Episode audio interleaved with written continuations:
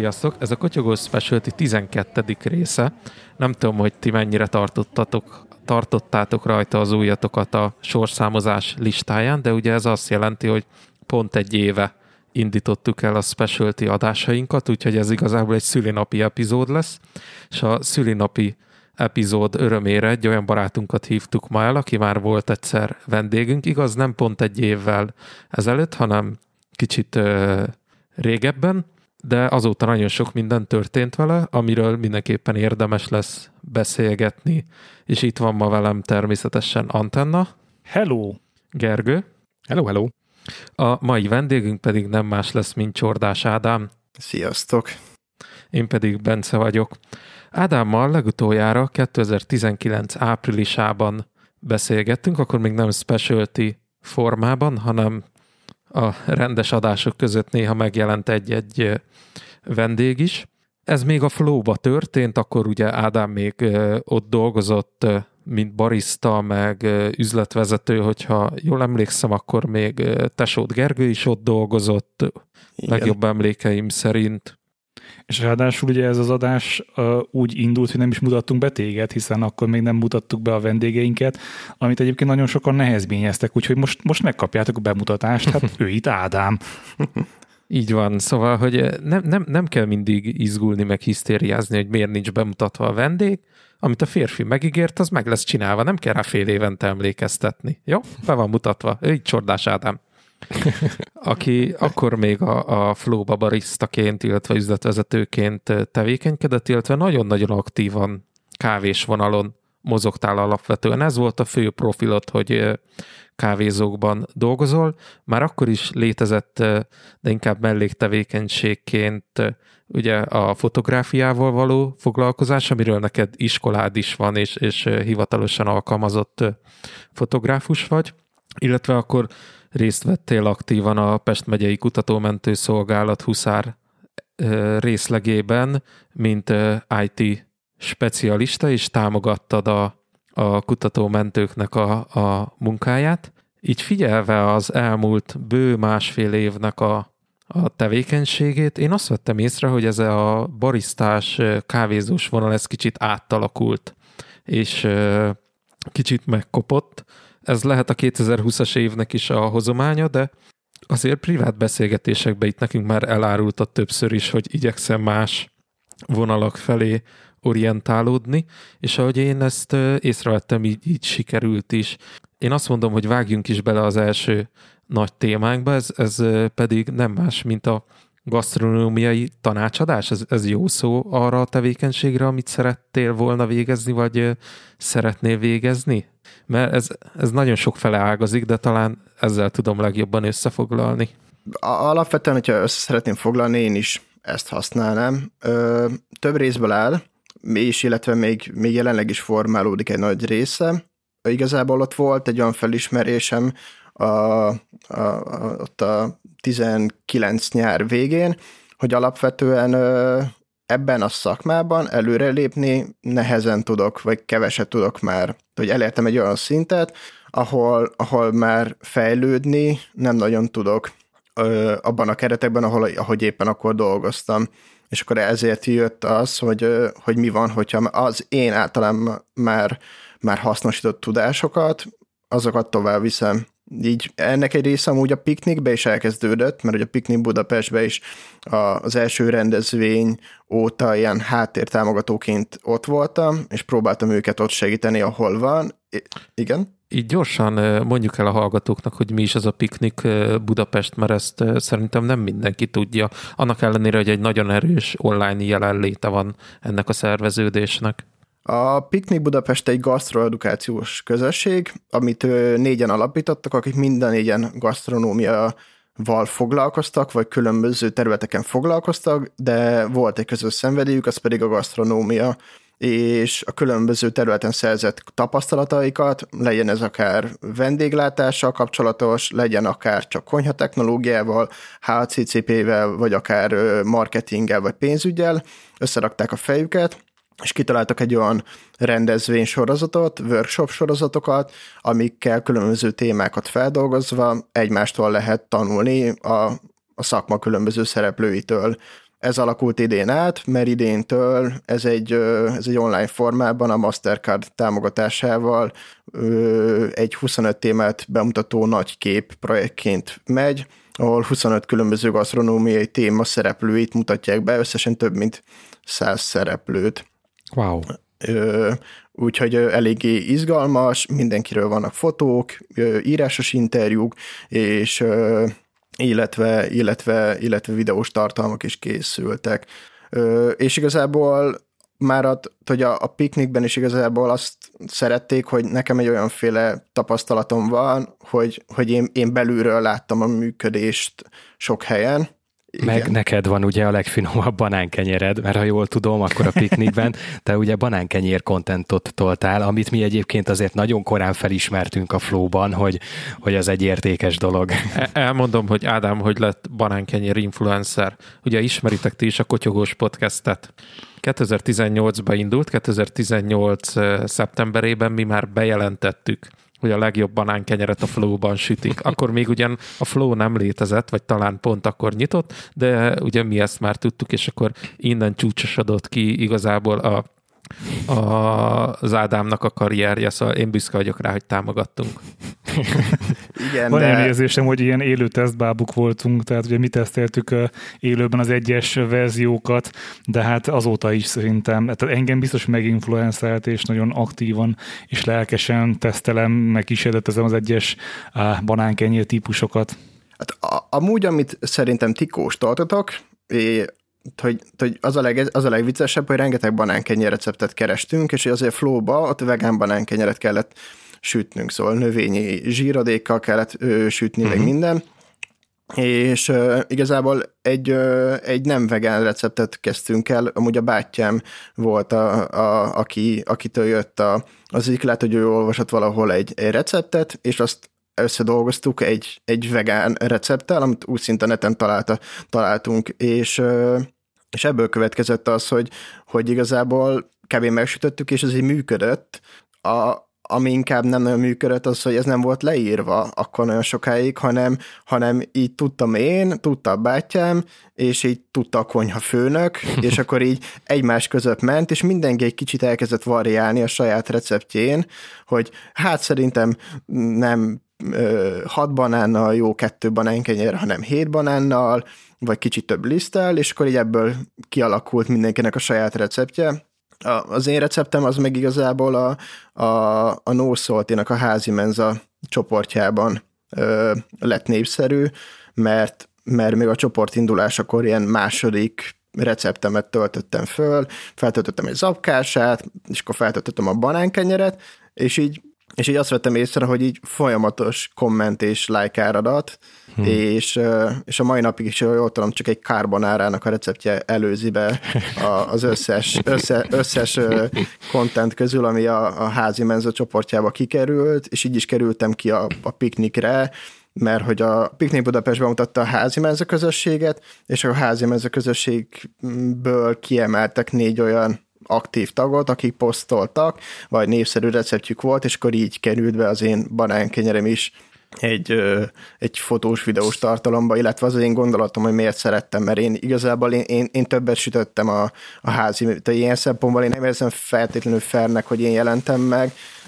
nagyon szépen köszönöm a, a, Piknik Budapestnek és a Nószortinak, hogy alapvetően van, akik sokkal többet posztoltak. Én mindenki másnak a receptjét megsütöttem, mert, mert márciusban, mikor, mikor, mikor, mikor koronavírus első hullámába tényleg húsvétra kalácsot sütöttem, a vajas kiflit, szóval, hogy szerintem, amit mindenki más is csinált, azt én is neki fogtam, hogy akkor kovászt neveltem újra, meg minden, Úgyhogy, de, de, de tény, hogy a banánkenyér az egy kiugró recept lett. Itt, itt most kicsit szigorú leszek, és kanyarodjunk vissza a pályádnak a felíveléséhez itt a banánkenyeres kitérő után. Az is a része volt. Ugye ott tartottunk, hogy a, a piknikben ugye te nem csak megjelentél a banánkenyér tartalmaddal, hanem ha jól értem, akkor te ott valamilyen háttér feladatot is a. Hát a, a, amikor még élő rendezvényeink voltak, workshopok és, és különböző kerekasztal beszélgetések, akkor azoknak a tematika kidolgozásában előtte mindig mi tartottunk egy ilyen előzetes beszélgetést az alapító tagokkal, ahol, ahol többen összeültünk, és, és elkezdtünk ötletelni, hogy például a kávés témára kik legyenek a meghívott vendégek, milyen kérdések legyenek összerakva, mik azok, amiket inkább kerüljünk, és így próbáltunk egy, egy vezérfonalat adni a kerekasztal beszélgetésnek. Ö, és, és akkor itt, itt hasznosították sokszor a, a, azt, hogy, a, hogy, hogy ezekben a részekben milyen tudásom van, illetve hogy alapvetően a, a gondolkodásmódomat a, a uh-huh. gasztronómiai kapcsán. De itt már, itt már bevonzottak jó pár olyan projektbe, ahova beajánlottak kávézóknak, hogy volt olyan, aki kávézó nyitás workshopon volt, két hónap nyitott a kávézó, de tökre hasznos volt nekik a workshop, de valaki olyat szerettek volna, aki, aki inkább személyre szabadtan nekik ad tanácsokat, és akkor mondták, ha kávé, akkor, akkor miért nem velem beszélnek. és, és igazából így lett az első partnerem a, a Vivina Café, ha azt nézzük, az egyetemtér mellett, mert mert, mert ő, így, ők, ők voltak, akik így először lebeszélgettünk, és próbáltam nekik tanácsokat adni, de ez még nekem is egy tanulási folyamat, hogy hogyan tudok, hogyan tudom egy olyan anyaggá formálni a tapasztalatomat, amivel egy ilyen olyan, amivel mindenkinek tudok sokat segíteni. És gondolom ezt a gasztrovonalat igyekezted folytatni, máshol is hasznosítani a tapasztalatodat. Maradjunk még ezen, ezen a kis tanácsadás vonalon.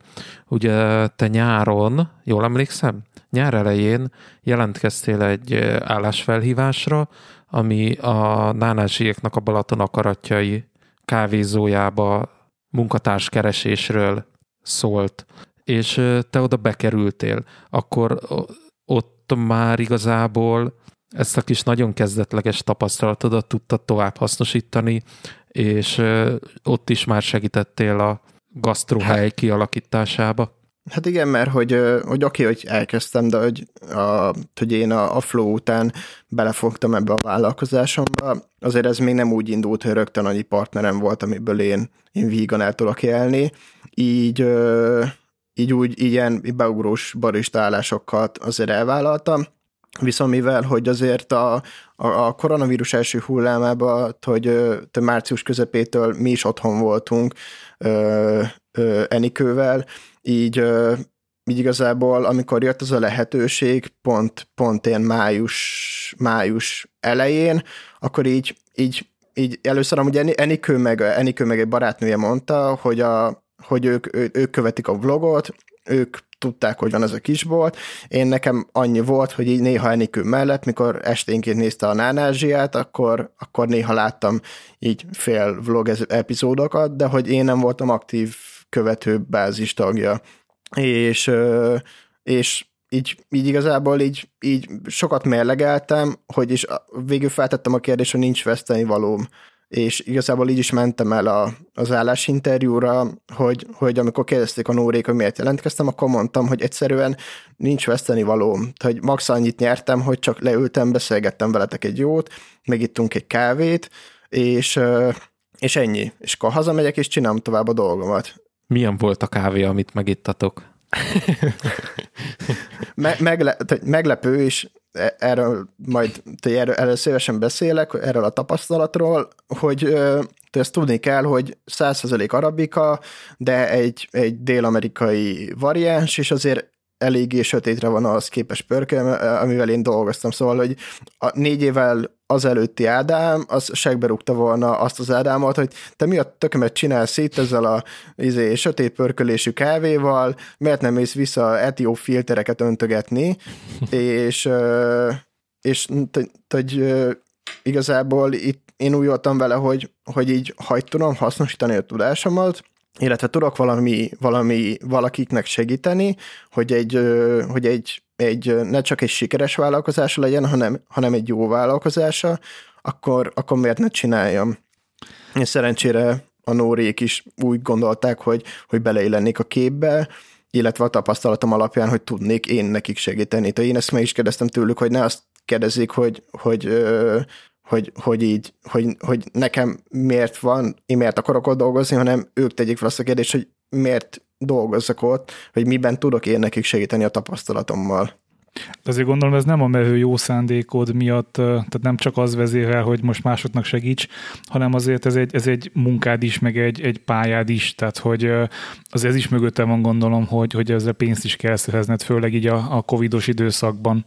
Hát igen, de ha, ha összességében azt nézzük, hogy, hogy mennyit utaztam, mennyit vonatoztam, és két napokra lejárni, lent aludni, és utána visszautazni, sokszor az utolsó vonattal, akkor összességében úgy gondolom, hogy Budapesten is találtam volna olyan munkát, amivel amivel hasonló lett volna. Oké, csak gondolom az nem a, nem a hobbid, a munkád kategória lenne. Ö, igen, igen, de viszont azt láttam benne, hogy ez egy, ez egy újonnan nyílt hely, amiben még rengeteg fejlesztési lehetőség van, rengeteg hiba volt még, és még van még bennem, kevés a parkolóhely, illetve azért nem minden helyi lakó volt túlságosan boldog a jelenlétünktől, de, de viszont ezzel szemben meg rengeteg támogatást kaptunk pont helyektől, hogy a Gáspár telepen lett valami olyasmi, ami kicsit, kicsit, kicsit teremt oda valamit újat. Amit én így igazából elraktam magamnak, az az, hogy kicsit a, az a féle maximalizmust, amit, amit addig képviseltem, abból kicsit lentebb tudtam olyan szempontból adni, hogy, hogy nem, nem feltétlenül a, a tökéletes kávét kerestem, hanem inkább egy, egy tökéletes vendégélményt, és, és nagyon sokszor az van, hogy nyílik a Balaton partján egy új hely, akkor mindenki megy, és, és hogyha nem tökéletes a kávé, akkor megy, hogy megy a, megy a, a rossz indulatosság, hogy, hogy az, az kicsit kesernyés, vagy bármi, és, és nem örülnek annak, hogy, hogy új helyek nyílnak, és végre van még egy hely, ahol, ahol az átlagnál jobb minőségű kávét lehet inni a Balaton partján. És időközben elkezdtem dolgozni a Szexádon a, a Lucky Cap-pel, akiknek a budapesti partneroktatója lettem a kávékozés a kihelyezett gépeikhez, és már annyival régóta beszélgetünk arról, hogy, hogy nem feltétlenül jó az az irány, ami hova jelenleg a specialty piac tart, és sokan nem értik ö, azt, hogy, hogy a Lucky Cap-nek a bányaiban miért van szükség a csokis kuglófra, ami egy ilyen közepes pörkölés, de inkább az egy sötétebb pörkölésű kávé, de Sanyi egy ilyen igazi kapudrognak tartja, hiszen régebben csak az volt, hogy volt az olasz, meg volt a specialty, viszont a kettő között nem volt átmenet, hanem létrejött egy, egy hatalmas szakadék, és, és nem volt egy olyan, egy olyan átvezető kávé nagyon, amiről azt lehetett mondani, hogy be lehetett mozzani az amúgy olasz rajongókat, és kicsit átvinni őket a specialty irányába. És persze jogosan kaptuk meg sokaktól, akik addig olaszt hittak, hogy azért nem szeretik a specialty, mert egyszerűen savanyú, mert az ő ízérzékelésük nem ismerte ezt a, az ízt a kávéban. Mi, mi az a legjobb emlék, amire visszaemlékszel erre az időszakra, amire a legbüszkébb vagy, hogy mint sikerült kis panda maci ártot önteni, vagy azt, hogy mondjuk meg tudtad mutatni másik tíz kollégának, hogy nézd csak, ilyen a jó kávé íze, vagy, vagy ilyen, így kell egy finom kávét csinálni. Mi, mi a legkedvesebb emléked ebből az időszakból? Mert ugye ennek aztán nyár végével vége lett, és jöttek az újabb projektjeid neked is. De hogyha így visszatekintesz.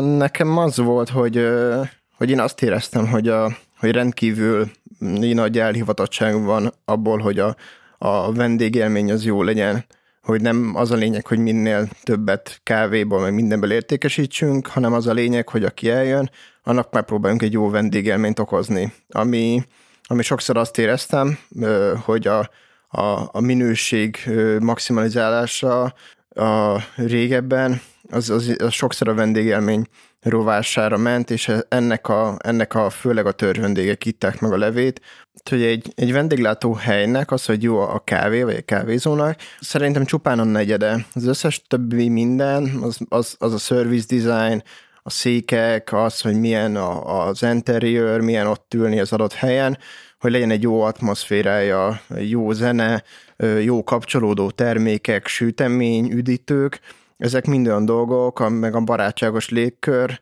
ami, ami jobban odavonza az embereket. Ezt szoktam mondani azoknak is, akiknek üzletvezetési tanácsadásba vagyok, vagy, vagy kávézó nyitással, az, hogy nyitottál egy kávézót, az, az a megvan a negyede, viszont ki kell találni a többi háromnegyedét a helyednek. Mitől fognak a vendégeid visszajárni, mitől fognak ott maradni, illetve mitől lesznek törzs vendégeid. Jött az ősz, ugye igazából maradtál a gasztronómiai vonalon, illetve már nyáron is, viszont átteveztél a, a kávécserjék közül a szőlőtőkék közé. Nem tudom, hogy kell pontosan ejteni a nevüket, hogy Les Brothers, vagy Lee's Brothers. Lee's Brothers. Ugye akkor ide kerültél a Lee's Brothers-höz, ami egy ilyen újfajta szemléletet igyekszik behozni a magyar borfogyasztási kultúrába, túllépve azon, hogy vannak nagyon jó minőségű ipari körülmények közt előállított standard borok, amik mindig folyamatosan tudják jó minőséget hozni. Ezzel szemben a Lee's Brothers a jó minőségre törekszik, de egy úgynevezett ilyen natúr borokat szeretne előállítani, és ebbe a folyamatba léptél te be. Ha jól láttam, itt a, már nem mint üzletvezetési tanácsadó, hanem inkább mint fotográfus mozogtál ebbe a gasztro részlegbe. A Lees Brothers-be igazából én tényleg csak egy nagyon-nagyon kicsi szelete lettem. Ha azt tekintjük, én max. egy fél százaléknak tekintem magamat. Én fotózni jártam nekik, vagy párszor fotóztam nekik az utóbbi időbe.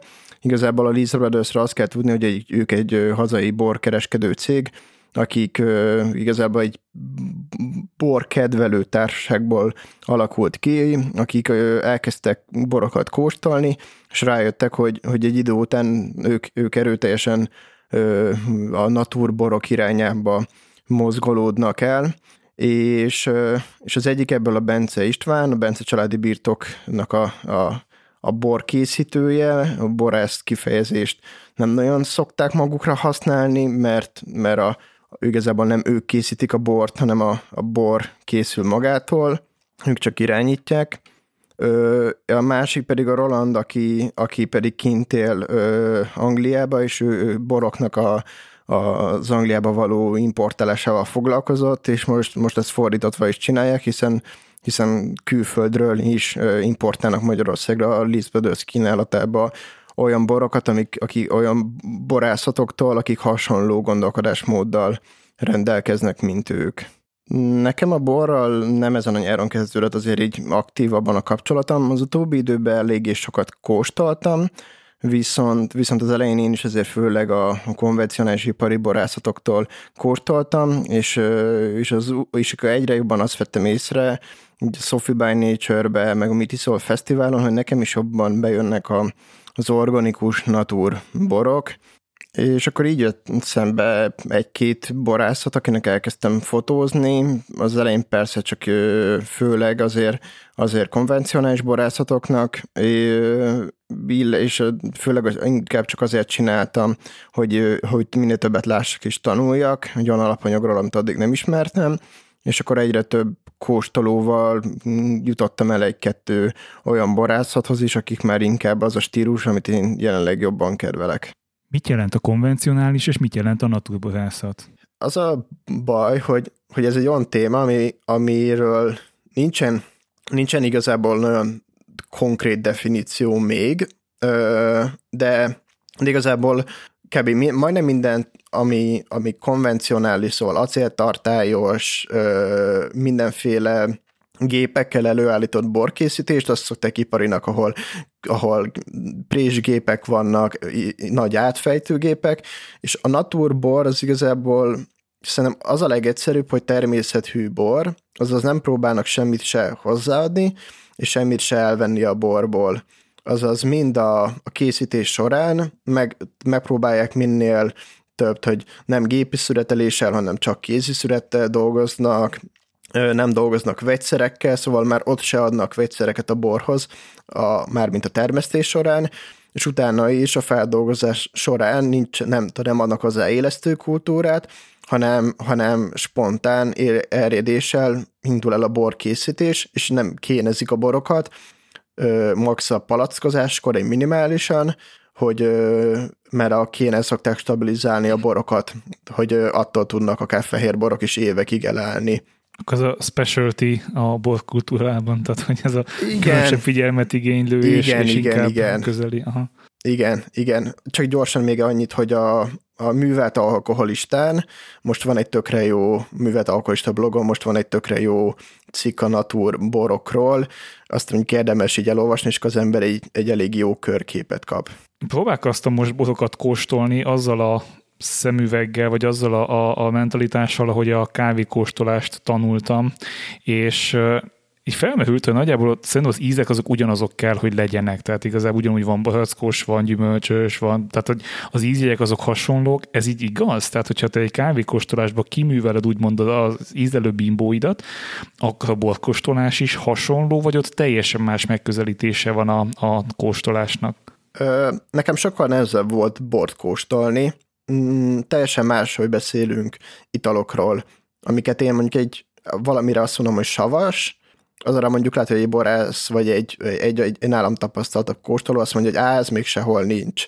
De, de máshol keresünk a testességet, az édességet, de valahol amúgy szokták mondani, hogy tökre jó bor leírásokat adtam, azért, mert mert máson edzettem az ízlelő bimbóimat, vagy másban tanultam meg kóstolni. Amit nehéz kizárni, az az alkohol például az, hogy az alkoholnak a, a, az íze, vagy nem is tudom, hogy lehet ezt megfogalmazni, az elég erősen el tudja nyomni a, a borban lévő ízegyeket és aromákat. De ez talán a kávénál is hasonló a koffeinnel, hiszen az a keserűség az, az ugyanúgy ott van, és meg tud jelenni, hogyha, hogyha éppen uh, uh, kóstolgat. Én, én talán azt mondanám, hogy annyira nehéz, mint megtanulni jó presszót kóstolni, mert nekem a presszó kóstolásban is az volt a legnagyobb bajom, hogy uh, hogy, hogy az erős olajosság és testesség az elnyom sok mindent, és, és nekem sokkal nehezebb volt megtanulni annó. És ugye így a borászat közelébe nem, nem mint borkóstoló ö, kerültél, hanem mint ö, fotográfus. Itt az volt a feladat, hogy lefényképezd a palack borokat, vagy hogy netán csinálj el egy jó képet a dűlőről?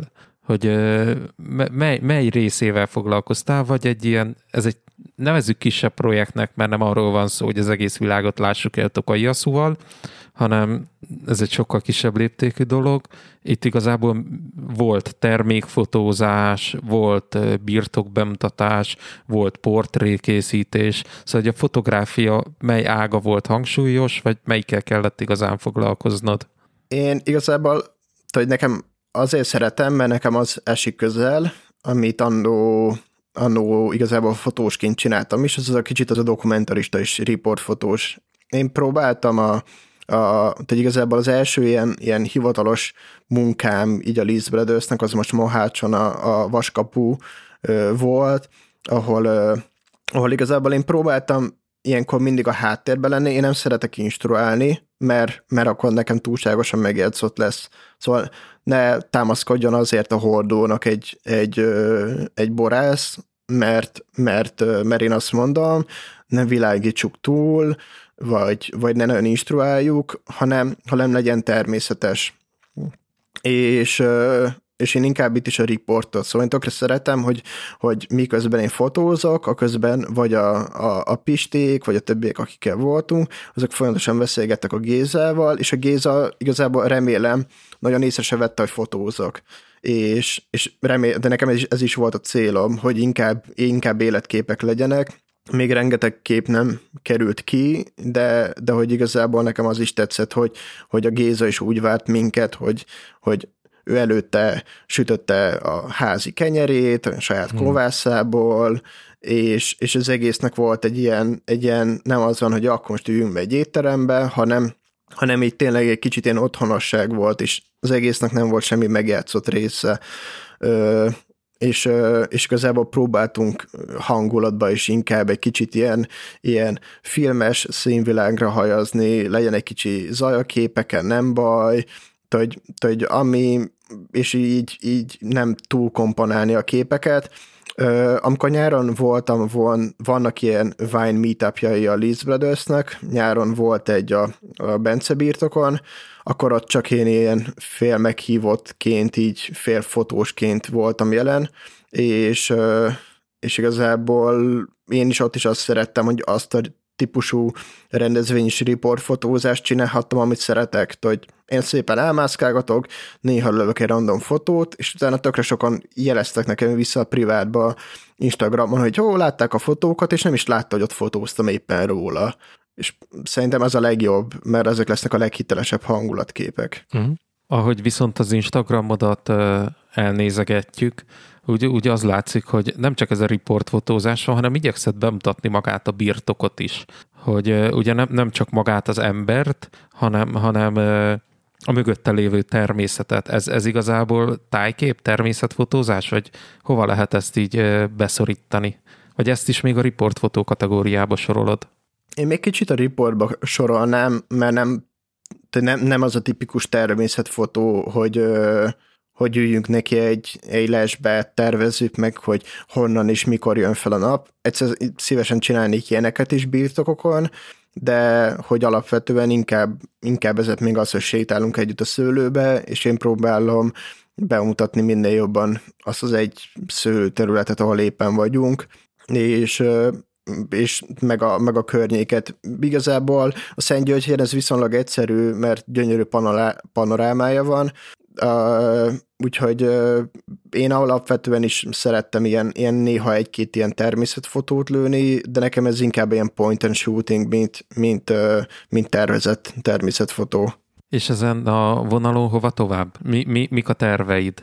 Hát a, a, most nagyon szeretnék fotózásban még több partnert, és jobb lenne elmenni ezekbe. A, tehát én alapvetően, amikor amikor a, a vállalkozásomat megalapítottam, mint gasztronómiai tanácsadás, akkor ez 40% lett volna, a másik 60 lett volna a gasztrofotó, hmm. ami viszont idén eléggé meghalt, mert nem voltak vendéglátóhelyek, akik mondjuk nagyon akartak fizetni azért, hogy étlapjuk legyen fotózva, mert egyszerűen nem volt étlapjuk se.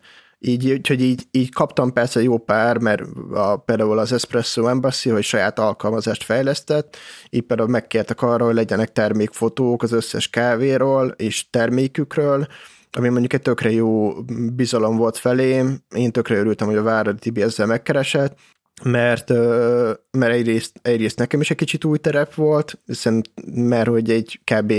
kicsit legyen vakukkal bevilágítva, de ne legyen túl, túl mű az egész, legyen az, meg az embasszinak az a kis természetessége, úgyhogy, és ilyen szempontból muszáj volt nekem is valamilyen szinten új utakat keresnem, a borászatokat meg, meg az így valahogy jött, hogy, hogy így benne voltam, ö, ismertem jó pár embert, és egyszerűen, egyszerűen nem kellett nagyon keresnem, hanem jöttek lehetőségek. Én remélem, hogy a Lees brothers meg vannak elégedve a fotóimmal, és, és akkor, ahogy most bemutattuk a legújabb termelőjüket, a, a, a Gézát, remélhetőleg még az összes többit be fogjuk járni, és ha lehet menni külföldre, akkor külföldön is fogunk ilyen kis borászatos túrákat együtt csinálni.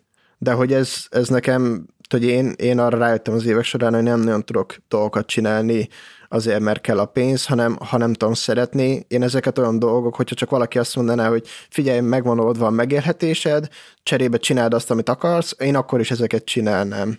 Hm. Viszont akkor, ha jól értem, neked hosszú távon is ez a 60-40 százalékos aránya cél? Tehát, hogy inkább a gasztrofotózás, mint a tanácsadás? Ö, igen. Most így, hogyha beletekintenénk mondjuk a COVID nélküli jövőben, ak- akkor is így látod?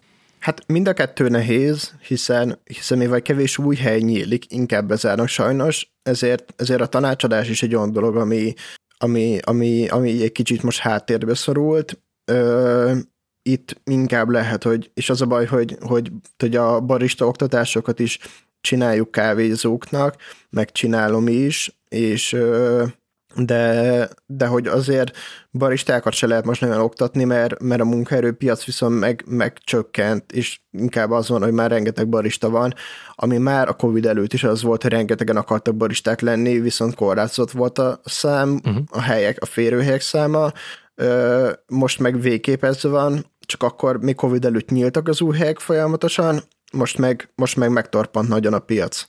Igen. Egyébként itt ez az oktatás, amit említesz, ez a tanácsadói dolognak a része? Ezt azért kérdezem, mert a, a fotózást azt úgy értem, viszont ezt a tanácsadói dolgot, ez segíts nekem légy így egy kicsit így kézzel foghatóbbá tenni, hogy itt mire kell gondolni, tehát például most hasraütök, te segítesz egy újonnan nyíló helynek kiválasztani, hogy milyen pörkölőtől honnan és milyen kávét vásároljon, illetve megütötte egy szavad a fülemet, említetted, hogy a megfelelő service design. Erre kíváncsi lennék, hogy ezt csak a szót alkalmaztad, vagy te a napi munkát során, már tanácsadóként, te tényleg service design módszertanokat alkalmazol-e?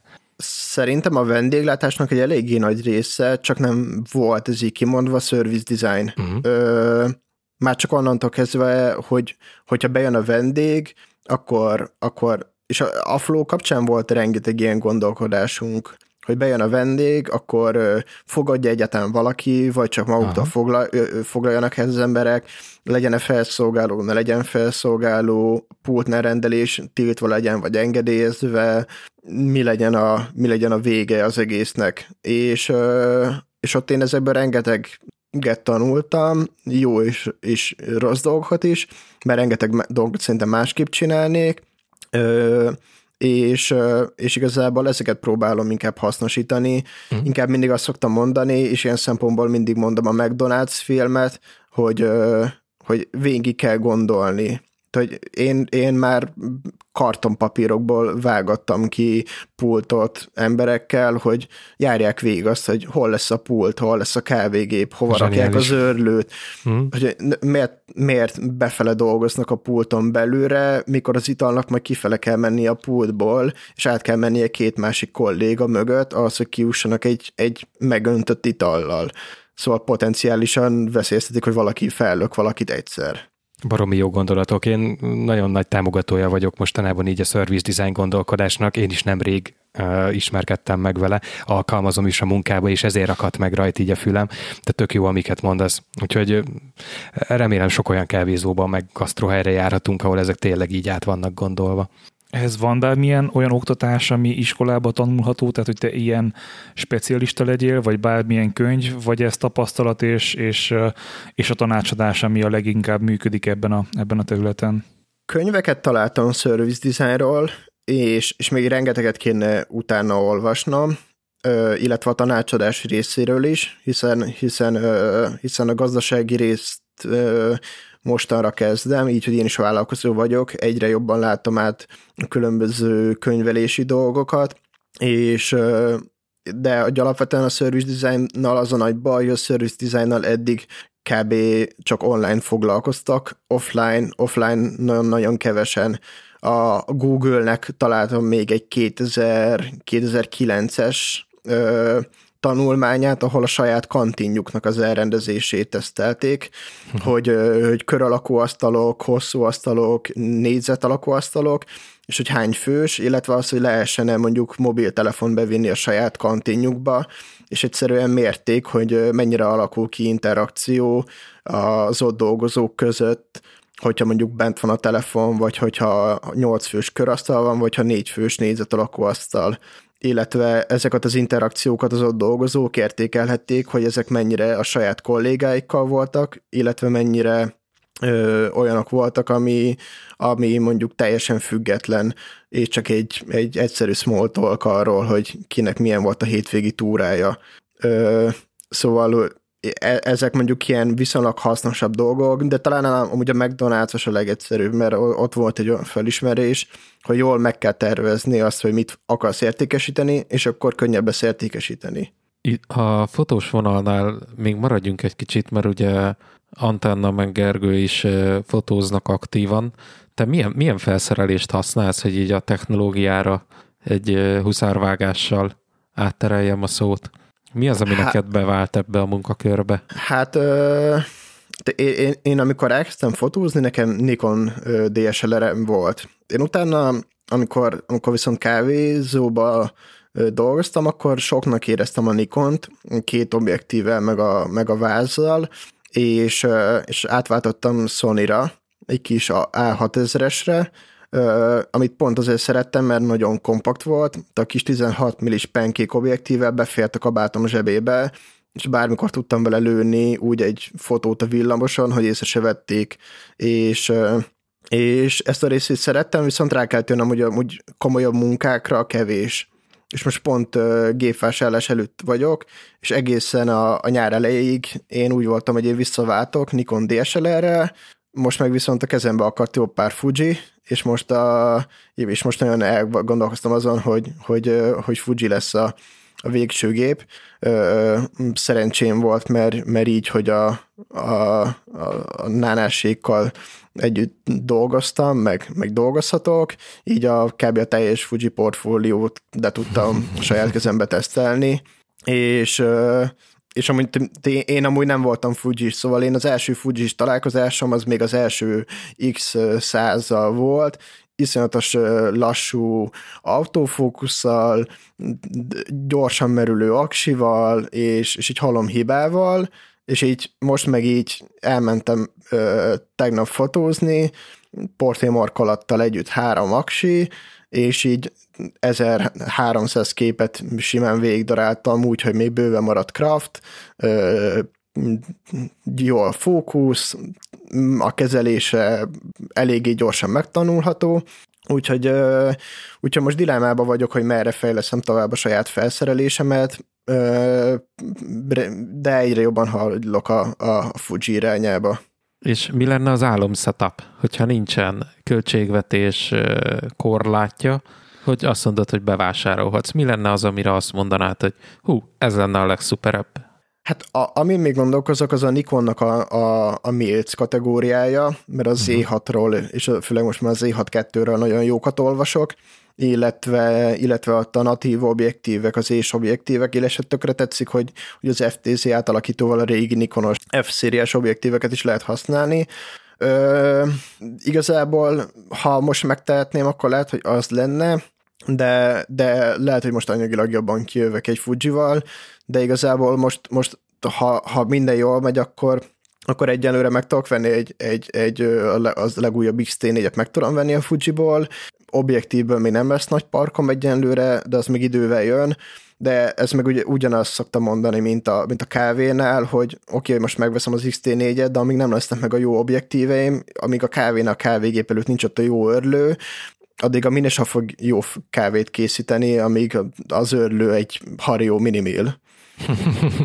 És nem érzed úgy, hogy hiányozna a full frame, tehát hogy főleg itt a, itt a fuji gondolok, hogy ő itt a APS-C szenzoros, és lehet, hogy neked ott nem is tudom, borászatnál azért sok esetben fotózol olyan körülmények között, ami pince, ami sötét, ami sötétebb, vagy főleg az ilyen portré jellegű, vagy nem is portré, inkább a riport jellegű fotóknál azért lehet, hogy a, a full frame tud előre vinni. Hát ez, ez egy óriási ilyen dilemma bennem. Most azért teszteltem XT3-at, XT4-et, meg az XH1-et. Érzem hátrányát, de, de azért szerintem együtt lehet vele élni. De örülnék, ha lenne, ha, ha, ha a Fuji végre nem csak a, a GFX 100 100 meg a pixeles gépekbe gondolkozna, és az APS-C szenzorban, nem ő is belátna, hogy a full frame-nek van előnye. Hát figyelj, most nemrég váltottam a, Nikon vonalon D610-re, és hát az nem a legújabb modell, sőt, egy viszonylag régi modell, de az és a D7000 között hát így ég és föld, tehát hogy hasonló a koruk nagyjából, de hogy az egyik az full frame, másik meg teljesen crop, és, és hát hihetetlen. Tehát, hogy amit, amit mondjuk full frame-en meglövök 6400 izóval, az így máskor nem mentem volna 6400-ra, hiszen, hiszen olyan, olyan színek, olyan színhibák vannak, meg olyan um, nem is tudom, ez a színzaj, hogy hihetetlen, és itt meg abszolút nincs, és tök jó, még élvezhető. Um, milyen dolgozni egy, egy profi fotóssal? Tehát, hogy így, így mert úgy értem, hogy azért Nánási Pál az, az szakmában egy, egy név, nem is kis név. Um, és gondolom ott is fotózol néha, vagy hát így nem tudom, bemutatod a fotóidat, vagy, vagy van egy ilyen fajta közreműködés, vagy abszolút így a kávézó, meg a, meg a vendéglátás a szorítkozik a ti együttműködésetek?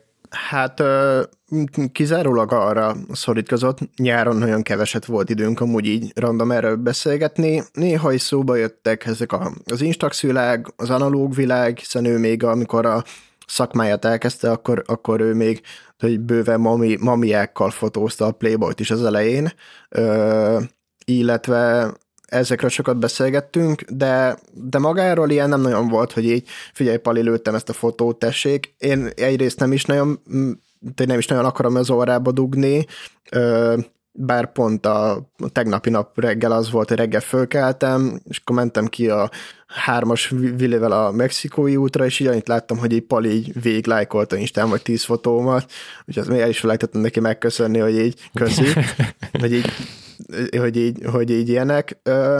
De, de hát igazából az volt, hogy mikor vége lett a nyárnak, akkor én csak bejöttem a stúdióba, hogy hogy jöttem vissza a Balatonról, és akkor bejövök a stúdióba először, és akkor, akkor már elindult a Big Shot, ami meg a Palinak a saját YouTube csatornáján lévő fotós tehetségkutató volt. És, és tényleg belecsöppentem, mert így így nem is tudom, szerintem az első adásnak az eredmény hirdetését vettük föl, és így kellett még egy kéz, aki, aki, aki, aki kamerázik, és akkor így Ádám, van kedved, és akkor így jó, kezembe kaptam, azt sem tudom, szerintem az melyik gép volt, azt tudom, milyen objektívvel, életemben nem volt még így Fuji a kezembe, és akkor jó, akkor izé adásba videózunk, de, de ez inkább ö, videózás volt, ö, és illetve inkább tanulás volt. Szerintem ez így mindenkinek, mert, mert azért oké, hogy a, a vlogot szerkesztik, de, de most egy olyan mennyiségű anyagokat forgattunk le hétről hétre, és utána kellett vágni, skriptelni minden, hogy, hogy, hogy rengeteg ilyen kis komment jött YouTube-ban, hogy hát ott izé nem tudják mit csinálni az operatőr, mert félrement a fókusz, meg így ott nincsen hang, és akkor így tényleg ilyen mindenbe belefutottunk, hogy volt olyan, hogy véletlenül töredezett volt a Rode csíptetős mikrofonnak a kábel, ami belement a fényképezőbe, ezért az egyik eredményhirdetéskor valakinek a hangja az végig recseget, tört meg puska mikrofonnak a, a kábel, ami meg a fényképezőbe volt dugva, vagy az egész jobb oldali csatorna recseget, tűntek el fájlok, amit így lehet, azt így, de minden, ami gyerekhiba volt, az, az abban mindenbe belefutottunk, de, de szerintem annak ellenére, hogy egy, egy alig, nem tudom, 7-8 fős csapat dolgozott mellette minden mással, csak így félállásba szinte a Big Shot-tal, szerintem egy elég jó YouTube műsor lett. De akkor ez nem egy ilyen, nem tudom, Fuji által szponzorált, vagy RTL által megvett tartalom, hanem ez, ez az ők ilyen saját ötlete, saját vágya és saját terméke, amit nem egy, hogy is mondjam, tévéstáb vesz fel, hanem ez, ezt ti, vagy ők, vagy hát néhányan. Igen, ez, ez teljes mértékben ez, ez, ez olyan volt, hogy, hogy így mindenki, aki a stúdióban valamilyen szerepet dolgozik, az foglalkozott valamilyen részével, és, és itt nem az volt, hogy van egy külsős gyártócég, idejön, saját kameráikkal, saját vágócsoportjukkal, hanem, hanem mindent. Én megtanultam alatt a Final Cut-ba vágni, megtanultam, hogyan kell Final Cut-ba multikemeket összerakni, szóval így tökre sok hasznos tudást közben én is felszettem magamra. A Fujifilm, mint fő díj támogató jelent meg, mert hogy ők a nyertesnek a gépet adták. Ez az érdekes, hogy én nem vagyok egy nagyon YouTube fogyasztó, és ez nagyjából így általat került elém, és azóta sem néztem végig a teljes sorozatot, viszont a, az épület fotós részt azt, azt láttam, és és én azt kell, hogy mondjam, hogy, hogy élvezetes, tehát hogy tök jó volt nézni, én nem láttam benne egy nagy hibákat, de mondom, nem értek hozzá, tehát nem, mint néző nem éreztem gondol, gondnak, uh, sőt, még ötletek is jöttek belőle, tehát amikor az egyik srác azt nem volt ötlete, és akkor ugye a telefonját használta ilyen tükörnek, és úgy próbálta befotózni, tehát vannak benne tök jó dolgok, úgyhogy, úgyhogy fenn van a listámon. Uh, ja, ez szerintem egy tök jó gondolat, hogy így valakinek van egy ilyen vágya, és akkor így neki áll és megcsinálja, tehát szerintem ez, ez, ez abszolút egy jó dolog. Itt a, bekerültél ugye ebbe a csapatba, így fotós, videósként, ez ugye teljesen más, legalábbis én azt gondolom, hogy másfajta csapatmunkát igényel, mint amiben eddig volt részed a kávézóba. Hogy, hogy e, ez alatt mit tanultál, vagy mi az, amiben más volt, mit tudtál hasznosítani, mire vagy a legbüszkébb, hogy elérted?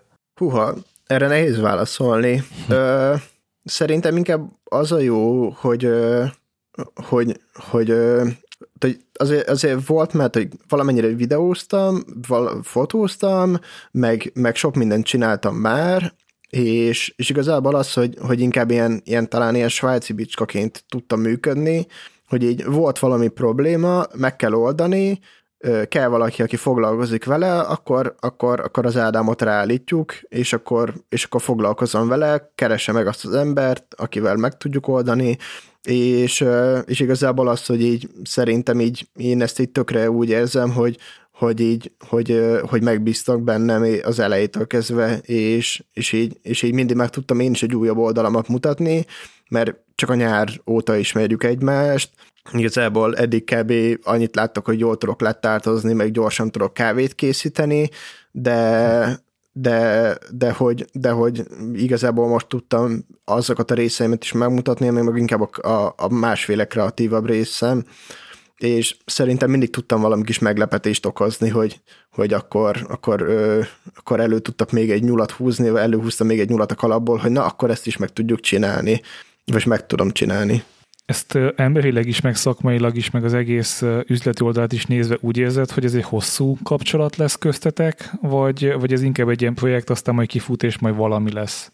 Ö, egyre jobban érzem azt, hogy ez egy, ez egy hosszú távú lesz. Nem merek semmi konkrétumot mondani, mert, mert, mert tényleg nem tudom, hogy, hogy mi lesz ennek még a vége. Arról már azért valamennyit beszélgetünk, hogy, hogy tetszik az a féle hozzáállás a, a munkámhoz, az a motiváció, amit belerakok egy-egy projektbe, így egyre jobban azt látom, hogy, hogy igazából úgy vannak vele, hogy, hogy valami úgy is mindig lesz. Amit itt megtanultam, hogy ebben a stúdióban mindig történik valami, de ez szerintem a való életben is. De én, én, én mindig sokaktól megkaptam, hogy jó lenne kicsit, kicsit, kicsit tudatosabban irányítani a, a saját karrieremet, életemet, és aztán mindig arra jöttem rá, hogy a legnagyobb fordulatokat és a legjobb dolgokat az egyszerű véletlenek hozták.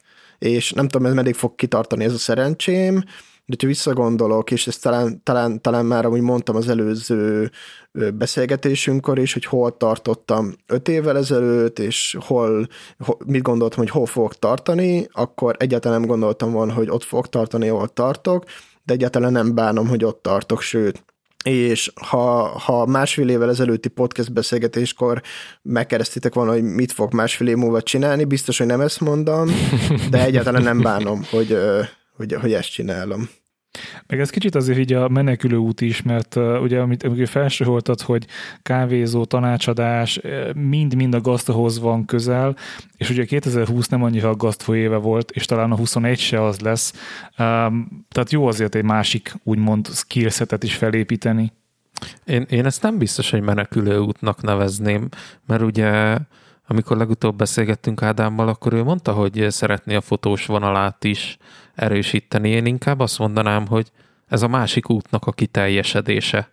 Úgyhogy nem, nem menekülő út, hanem a, az a két út, amin elindult. Ő nem választott, hogy melyikon induljon el, hanem igyekezett mind a kettőt folytatni, és, és hogy messze van a csúcstól, mert, mert odáig ugye rengeteg út vezet, de, de szerintem nagyon szuper ütembe halad, hogy megvalósítsa azt a vágyát is, hogy a, a fotót is tudja kvázi főállásként csinálni.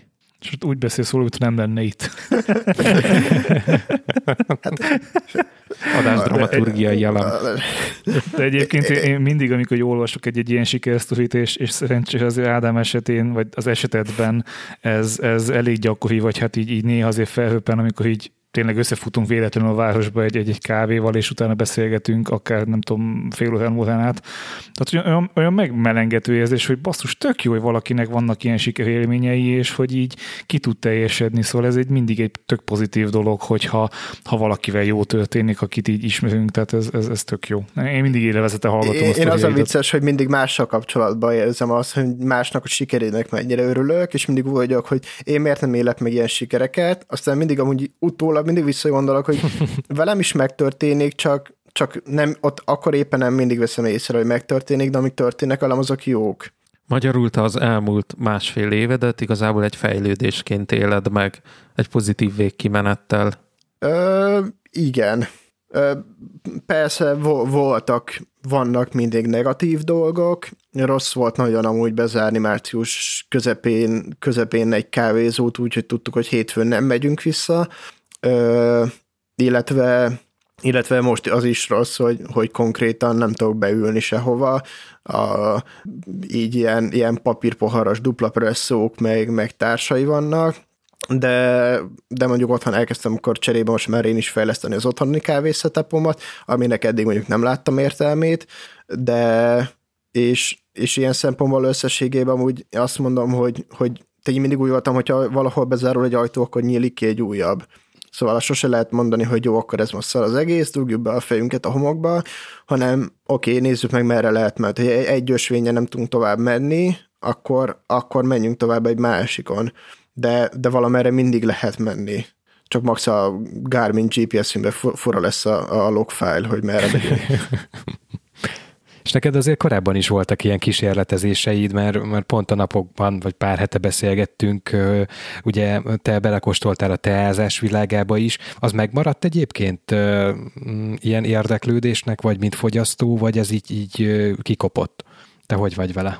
Sokkal kevesebbet tázok, mint amennyit, amennyit jó lenne igazából a tázásból nekem megint ugyanaz hiányzik, hogy, hogy én azért szerettem tázni, mert elmentem a Jojo-ba, és a Jojo-ba én bementem, és kijöttem úgy három óra múlva, hogy beúrok egy tíz percre, és és nekem az egy ilyen kiszakadás volt a valóságból. Én mindig szoktam mondani, nekem a tázás élmény az olyan volt, mint amikor a, a Doctor Strange-be először bemegy a templomba, és így kirántják abból a valóságból, ami volt. Volt a, a, a kis kávés valóság, a kis TDS-ek, bemenők, kimenők, hőfokok, és akkor jött a tázás, ahol meg így öntsük fel a gájvánt, 8-10 másodperc után így kavar meg a tetővel, önts le, viszont viszont, viszont a, abban a részében meg tökre sokat visszaadat, hogy mennyire felértékelődött belőle nem az, hogy nem az a lényeg, hogy mit iszol, hanem az, hogy kivel iszod, vagy hogy a maga hangulat. És hogy otthon is megpróbálkozok néha vele, csak, csak ilyen, ilyen eléggé nehéz, mert mert oké, okay, felrakok egy lemezt, vagy akkor meghallgatok egy lemezt, és akkor így éppen második felöntésnél járok, oké, okay, cseré, fordítsam át a B oldalra, szóval, hogy ilyen, vannak ilyen dolgok, amik tökre jól működnek, meg vannak, amik nem, mondjuk jön közben egy macska, aki meg éppen a, megtalálja az egyik plüss kis egerét, és akkor elkezdi az egész lakáson keresztül randalírozni. Szóval én ezzel szerettem a teázást, hogy el tudtam vonulni a Jojo-ba, mm. és, és egy teljes teljesen jó élményt tudott, már csak azért is, mert hogy azért ott a sokszor, amikor leültem tázni, akkor akkor ültem le, amikor az Ájki vagy a Gábor bent volt, és már csak velük beszélgettünk, mi van velük, mi van velem, és inkább amúgy ezek a beszélgetések hiányoznak, de, de hogy maga te a szeretet az megmaradt, és sokkal többet kéne teáznom, mint amennyit jelenleg teszem. Szerintem igazából egyébként legalábbis az én adásnapló listám alapján végértünk a azokon a témákon, amit érinteni szerettem volna. Az... Á, fog, fog meg a specialty kávém, borom, stb. Tehát nekem még vannak kérdéseim. Szóval hogy persze azért mondom, hogy az én, én listám alapján, ugye a tiéteket nem láttam. Ádám, van olyan, amiről mindenképpen akarsz beszélni? És nem ejtettünk még szót róla? Bárkinek, aki, aki viszont kicsit is érdeklődik a tea iránt, és, és ki tud abból a komfortzónájából ö, ugrani, hogy, hogy mindent felejtsen el, amit a teáról gondolt, és egy teljesen tiszta lappal indulni, annak javaslom, hogy menjen el, ha már lehet majd beülni a Jojo-ba, illetve a Jojo-nak tökre jó a kurzusai szoktak lenni, én egyre még a legelején elmentem, a, ami a teáról az alapoktól, és tökre jó, illetve a webshopon, hogy jól tudom, azért vannak ö, vannak ilyen teaszettek, ami kifejezetten ilyen kezdőknek van, amiben egy fehér, egy zöld, egy fekete, azokkal itt tökre jól lehet ismerkedni a teákról, illetve hát kevés blogposztjuk van, mert szegény Gábor mindig mondja, hogy kevés ideje van írni. Pedig nagyon jó. De nagyon kevés van, nagyon hogy Gábor amúgy nagyon szépen is jól tud írni és beszélni, én nagyon szeretem olvasni is, meg hallgatni is, és és azokból sokat lehet tanulni, de, de igazából azt nem lehet, hogy azt nem szoktam senkinek sajánlani, hogy menjen el és kóstoljam meg. Nem tudom, egy Green Dancing úlongot, és az mennyire finom lesz neki, vagy csak úlongokat igyon, mert, mert akkora ég és föld különbség van nepáli úlongok, sziklashegyi, tájvániak között, hogy hogy ég és föld. Én visszamennék a, a nánásék oldalra, mert nekem ők, de szerintem ezt beszéltük személyesen is, hogy, hogy egy ilyen abszolút kellemes meglepetés, mert ugye a két celebből én, én azt látom, vagy azt láttam, hogy, hogy hát ők ugye a, a megközelíthetetlen tévés, meg a, meg a Playboy fotós, aztán mivel egy ilyen viszonylag beteg kísérletező alkat vagyok, hogyha podcastről van szó, én, én annak idején nagyon lelkesen feliratkoztam a podcastjükre, és ott meg egy két teljesen normális és abszolút két lábbal a földön lévő, egyébként atomcuki embert ismertem meg, akit, akit élvezett hallgatni, tehát hogy nagyon jó volt hallgatni, ahogy ők is amiről beszélnek, és nagyon szomorú vagyok, hogy, hogy hát gondolom nincs idejük a podcastre, viszont ugye a YouTube tartalom az meg nekem annyira nem. Te ezt hogy látod? Tehát, hogy így, így amikor így becsöppentél, ők egy munkadó voltak neked, vagy, vagy így azért tehát neked milyen érzés volt velük dolgozni? Ugye ezt próbáltam kérdezni az előbb is, de ott, ott tovább mentünk arra, hogy, hogy mindegy teljesen másra. Tehát, hogy nekem ez, ez így érdekelne, hogy, hogy te, aki közelebb voltál ehhez a, ehhez a légkörhöz, milyen, milyen velük dolgozni?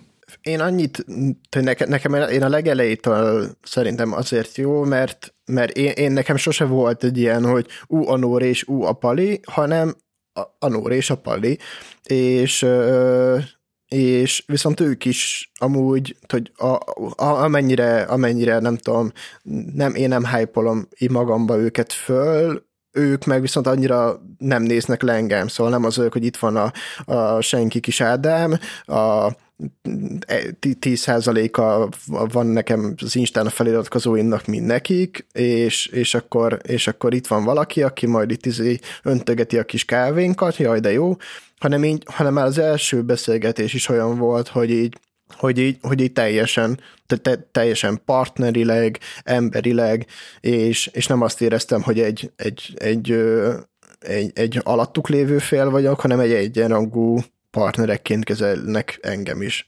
Ami, ami nekem nagyon szimpatikus volt velük kapcsolatban, és tényleg az emberi oldal, hogy az, hogy a, a tényleg a, meg az a munka igazából, amit látok, hogy, hogy a, amikor csinálták most a karácsonyi dalnak a klipjét, a, a klipvágás az így konkrétan az volt, hogy hétfő este még a Pali bent ült, és mondta, hogy hát, hogy ő hajnalra összevágja a, a klippet, és akkor másnap délután már láttam belőle egy felkész verziót, amiből igazán nem sok minden lett újra vágva, mert, mert tényleg, hogy, és nem az volt, hogy a videóvágó bent maradt még hajnalig, hanem a Pali mondta, hogy jó, hát meg kell lennie, akkor ő megvágja.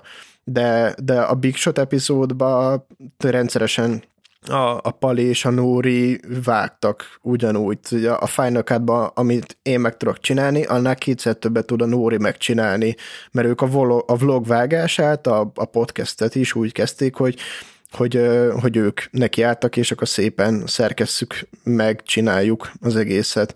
És, és így tényleg az van, hogy, hogy, mind, hogy ők is mindent érteni akarnak, ami, ami történik körülöttük, és nem csak azt akarják csinálni, mint ami a tévébe megy, hogy bemegy, megcsinálja a munkáját, és minden más csinál a stáb, hanem ők is a része a stábnak.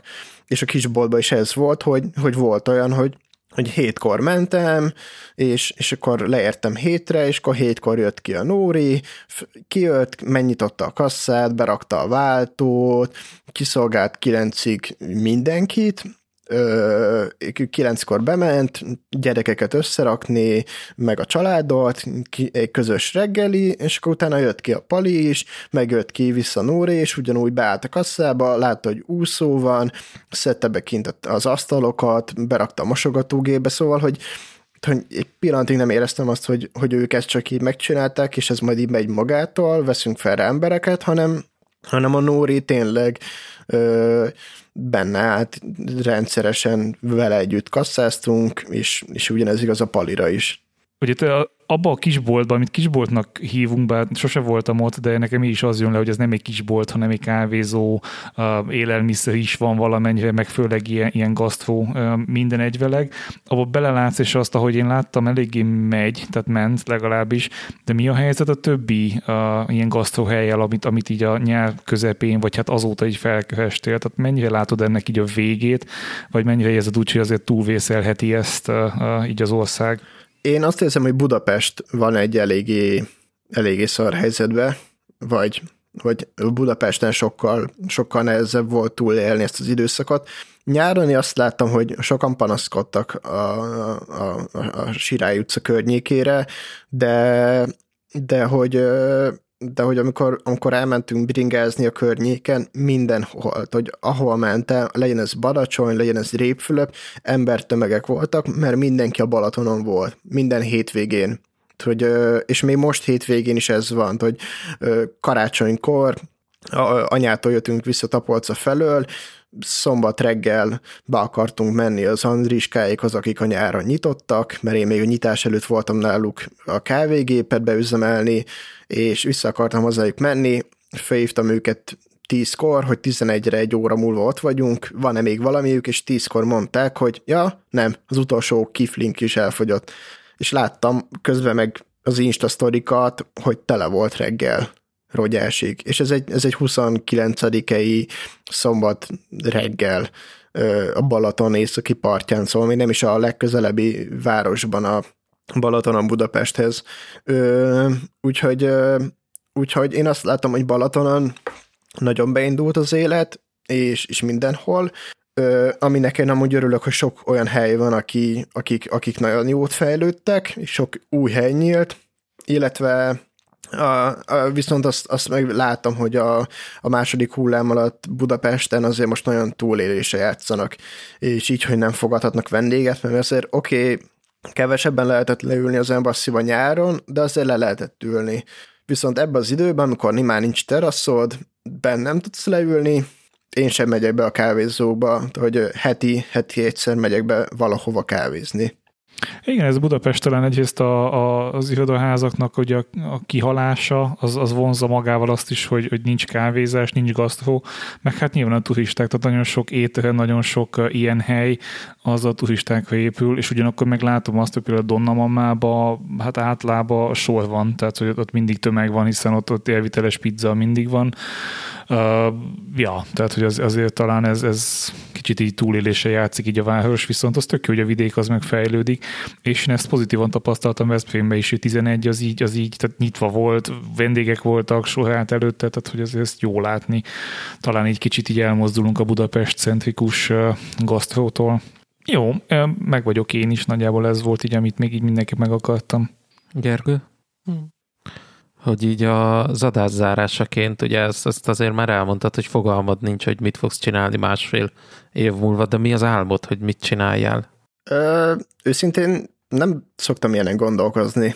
Ö, most inkább fogsz. ilyen, most fogok, igen. igen. És meg, meg, meg, megpróbálok nagyon gyorsan kigondolni valami frappánsat. Ö, igazából nem, nem szakmai céljaim vannak, inkább magánéleti mm, dolgok vannak amiket szeretnék meglépni. Én egyre jobban én is húzódok vidék fele, szóval lehet, hogy már mm, nem tudom, másfél év múlva nem a Gergő hajópadlójáról lesz szó, hanem az enyémről remélhetőleg. Úgyhogy, úgyhogy inkább ilyen dolgok vannak, hogy, illetve a saját vállalkozásomnak az, hogy meg legyen az a stabilitása, hogy az, az tényleg teljesen eltart engem, és és stabil, stabil ügyfélkör legyen, ö, röviden ennyi, de tényleg, hogy másfél év múlva vissza fogom ezt hallgatni, amit mondtam most, és kíváncsi leszek, hogy, hogy merre járok. Figyelj, az a lényeg, hogyha vidékre költözöl valami szép helyre. Lakóautó 6 méter 20 hosszú, 2 fél széles, 3 20 magas. Jó? Ez férjen oda, a többi nem számít. Jó, jó, jó, jó. Ez, hát, ez, ez a legfontosabb. Igaz, igazából most, hogy voltunk, anyánál voltunk karácsonykor Tapalca mellett lakik, így átmentünk egyszer a Szentgyörgyhegyre kicsit sétálni, és akkor még sétáltunk a Szentgyörgyhegyen, pont ilyen eladó présházakat nézegettem, úgyhogy hát remélhetőleg olyan sikerült talán egyszer, amiben befér a, a lakóautó. De nem, ez viccet félretéve, azért ennyire nem gondolkozok a legköltözésen, maradnék azért ilyen Pest megye környékén, mert azt azért erőre, azt azért látjuk, hogy hogy egyenlőre mind a kettőnket a munkánk az, az ide fog kötni, de, de, de jó lenne már egy, egy valami kis kertes valami, ahol, ahol már most már a panel barkácsolást már teljesen kimaxoltam, fenyőfa miatt most már vettem egy fejszét is, mert idén akkor a fenyőfát sikerült szerezni, ami nem fér be a talba, úgyhogy, és már tényleg lassan az én szerszámos dolgaimtól nem férünk el a lakásba, úgyhogy a körfűrész még Enikő nem engedélyezte, de, de eljön egyszer annak is az ideje. Hogy Antenna és Gergő értse ezt a körfűrészt, hogy az Eni nem engedélyezte. Szerintem egy évvel ezelőtt beszéltem az Enikővel, valami miatt, tök mindegy miatt, és már akkor mondta, hogy az Ádámnak nem lehet körfűrésze. Szóval ez egy ilyen ré- régi és fájdalmas történet kettejük kapcsolatában. De ez azért van, mert fájdalmat okoztál valaha is körfűrészsel, vagy mi az oka? Nem, egyszer, egyszer valahol, valahol láttam, hogy valami nagyon jó áron volt körfűrész, és szerintem pont akkor vett a Bence körfűrészt, és akkor így ültem az Instagramon, és fejött az Instastory, hogy Bence körfűrész, és akkor így fordítottam Enikőnek, hogy nézd már, nekem miért nem lehet? És így ennyi, és azóta ez egy ilyen, ez egy ilyen visszatérő tüske, hogy a, a körfűrész, ami te, persze teljesen indokolatlan egy 38 négyzetméteres lakásba, de, de most mondjuk forrasztópákát kaptam karácsonyra, úgyhogy, úgyhogy most, most folyamatosan forrasztok. Királyság. Hát Ádám, nagyon szépen köszönjük, hogy eljöttél hozzánk vendégnek. Azt még inkább Igen, köszönjük, hogy a, a frissen megalakult Telegram csatornánkon is ott vagy, és mondhatjuk azt, hogy ha valakinek kérdése van, akár ott a Telegramon a közös chatbe is írhat neked? Igen, igen. Ö, nyugodtan ö, küldjenek kukacot, mert most kikapcsoltam a hangértesítéseket, mert egyik este annyi jött a Telegramon, hogy folyamatosan rezgett a, a, a telefonon, meg pittyeget, úgyhogy, de, de amúgy, amúgy mindig jönnek rá az értesítések, hogy mindig van valami, de nyugodtan, ha meg, ha meg nem látom, akkor meg dobjatok rám egy üzenetet valahol, hogy kaptam valami kérdést. Nyugodtan lehet, távol is nyugodtan, mert szívesen, hogy, tudok kezdőszetteket szívesen bárkinek összeajánlani, illetve, illetve erről majd akarok azért valahol egy hosszabbat írni, hogy, hogy nekem milyen élményeim vannak, és mit tudok, mit tudok javasolni. Akkor legyetek jók, és találkozunk egy hónap múlva. Sziasztok! És egyébként sok sikert kívánunk neked így a, a jövődhöz, vagy hát a, a jelenethez. És találkozunk másfél év múlva remélhetőleg. Jó, köszönöm nektek is, és remélem találkozunk. Sziasztok! Sziasztok! Sziasztok. Sziasztok. Köszönjük szépen, hogy ma is velünk tartottatok. A patreon.com per kotyogós podcast oldalon megtaláljátok minden hónapban a specialty tartalmainkat. Ide néha-néha fölrakunk egy-egy extra dolgot is, de ezek az adások a rendes feedbe is kikerülnek egy hónap késéssel weboldalunkon. A kotyogospodcast.hu szájton megtaláljátok az adáshoz tartozó adásnaplókat, benne sok-sok érdekes linkkel. Twitter.com per kotyogós podcast oldalon vagyunk elérhetőek még, itt is írhattok nekünk, de az e-maileket is szívesen fogadjuk a kotyogós podcast kukac gmail.com címre. És ne felejtsetek el csillagot, pötyit, lájkot, szívecskét adni abban a podcast alkalmazásban, amit használtok.